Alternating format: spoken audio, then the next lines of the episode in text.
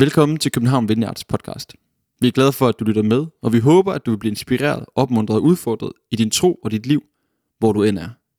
God fornøjelse. Øh, håb og forventning. Og øh, det tema, vi har sat på dagsordenen, det er sund kirke. For vores fremtid som øh, øh kirkefamilie her i København, det handler ikke om, hvor mange vi er i KV, eller København vinder, undskyld. øh, fordi øh, to fisk og fem brød, det kan blive til rigtig, rigtig meget. Det handler heller ikke så meget om, hvor store drømme vi har, men hvem vi er, og hvad vi først og fremmest er kaldet til som kirkefamilie. Det er oplagt i dag øh, på sådan en Café Vineyard at fortælle, at vi arbejder målrettet og planlægger efter at nå nogle mål her i kirken. Og det vil jeg gerne lige dele, og de kommer op her. Øh, det er vigtigt for os at se mennesker komme til tro. Det er vigtigt for os at være en kirke, der er i kontinuerlig vækst. Vi har en meget stærk fælles vision og en historie om at plante kirker. Og øh, bliver du øh, ved med at øh, være i, øh, komme her i kirken, så vil du høre mere om det. Øh, det gør en forskel for udsatte i København, at vores kirkefællesskab det findes. Og netværksgrupper, et sted, hvor der sker efterfølgelse og medvandring. Det er naturligt for os at have åndelige fællesskab på tværs af alder. Vi ser vores ledere udvikles og lykkes i deres kald, og vi er tilbeder af Gud i alt, hvad vi gør. Det er nogle mål, vi arbejder meget specifikt på og vil gøre de øh, kommende år. Og alt sammen fantastiske mål, øh, som øh, vi arbejder på under overskriften inkluderet, inspireret, involveret, som er øh, vores øh, kan man sige, tagline. Det er det, vi vil her i kirken. Men igen, jeg tænker ikke, at det handler så meget om, hvor mange vi er i K, øh, København Vineyard. Vi må først og fremmest fokusere på at være en sund kirke. Hvem vi er, og hvad vi er kaldet til som kirkefamilie.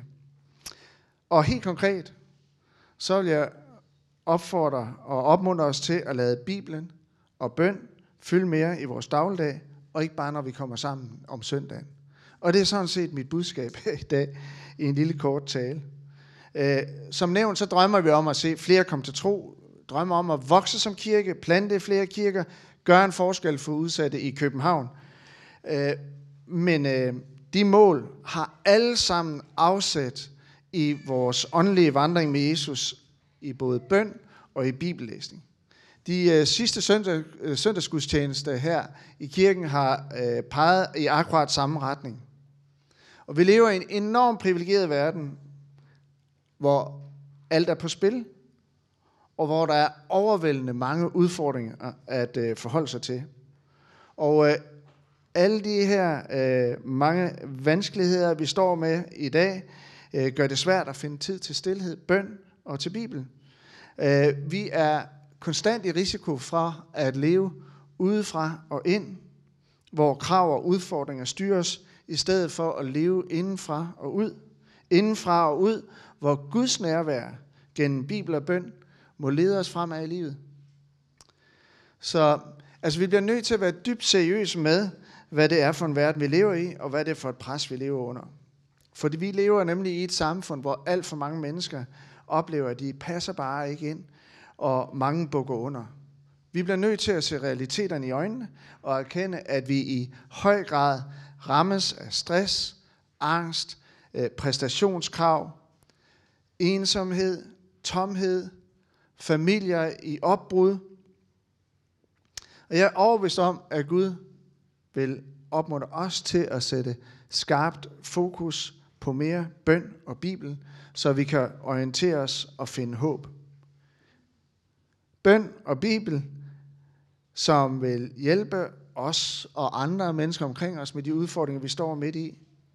Bøn og Bibel, som giver det åndelige liv substans, dybde, og giver os mulighed for at leve indfra og ud, og ikke omvendt.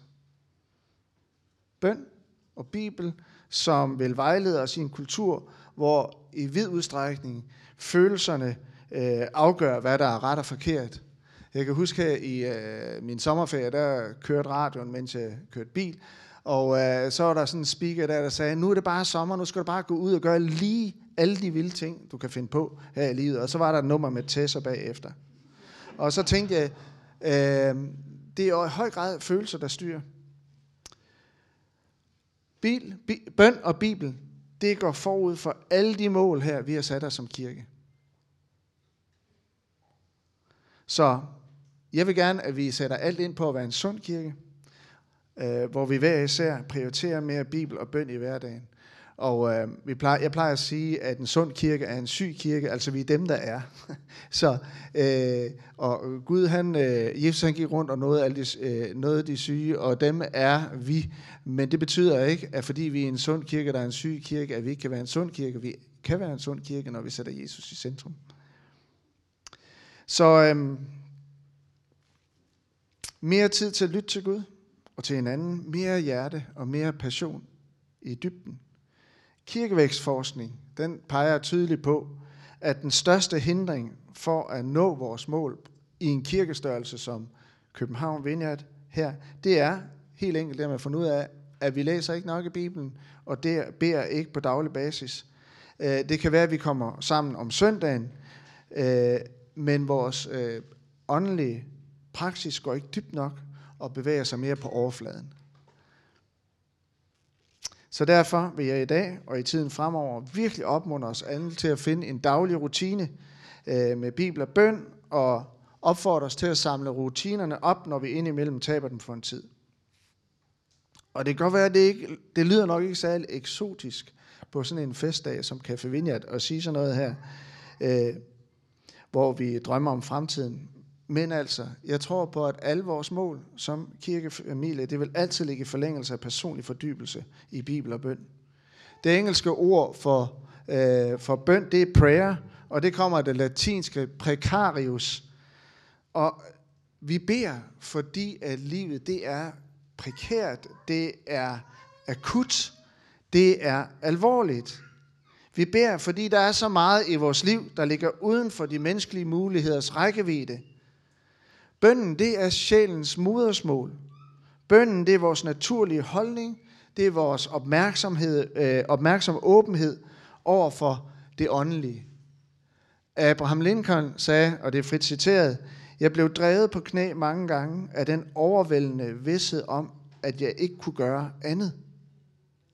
Jeg ved, at langt fra altid så ændrer bønden vores virkelighed. Men bønden ændrer i hvert fald mennesker, der ændrer virkeligheden. Så det at være menneske, helt enkelt, det er at række ud efter Gud. Det er at bede. Så for mig at se, så spørg, handler spørgsmålet i grunden ikke så meget om, hvorfor vi beder, men at vi beder, og hvem vi beder til. Og tænk sig, at milliarder af mennesker søger svaret i Jesus og hans revolutionerende liv og lære. Jesus selv var ofte i bøn. Inden sine tre år med disciplene, så brugte han en måned i ørkenen i bøn. Inden han udvalgte sine 12 disciple, så brugte han hele natten i bøn. Og Jesus forlod ofte disciplene og menneskemængden og deres behov for at finde stillhed og være i bøn. Så Jesus han bad, han bad og bad. Både i Gethsemane have, inden sin død på, og, og, og på sin, ved sin død på korset, så bad han de første kristne i Jerusalem, efter Jesus øh, forlod jorden, bad, de holdt alle i enighed fast i bønnen. På næsten hver eneste side i Bibelen, og hvert kapitel i kirkehistorien, så skinner bønnens betydning igennem. Bønnen er mere end et tændt lys. Det er en smitsom sundhed. Det er livets puls. Og bøn, det giver altså os mulighed for at leve indenfra og ud og finde styrke, substans, håb, så vi kan møde udfordringer. Og så levede Jesus af skriften. I øh, begyndelsen af hans tjeneste, eller lige før det øh, virkelig gik, øh, fik fart på, var han fristet i ørkenen. Og der udbrød han, mennesket skal ikke leve af brød alene, men af hvert ord, der udgår fra Guds mund. Og han sagde to yderligere gange, der står skrevet, og der står også skrevet i mødelse med fristelsen. Der er ikke noget sted der, Jesus han sagde, jeg føler ligesom for, eller jeg føler ikke for. Skriften den havde størst autoritet for Jesus i mødet med alle hans fristelser.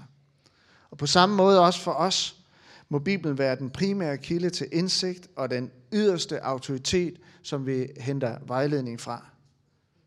Det handler ikke så meget om at lære Bibelen, som at øh, lytte til Bibelen. Den skal ikke bare læses igennem, den skal bedes igennem.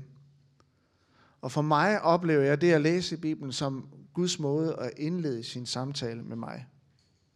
Tak fordi du lyttede med. Vi håber, du går herfra med fred i hjertet og mod på mere. Du kan finde mere fra København Vineyard på Facebook, Instagram og vores hjemmeside. Du skal vide, at du altid er velkommen i vores kirke på Nyvej 7. God dag.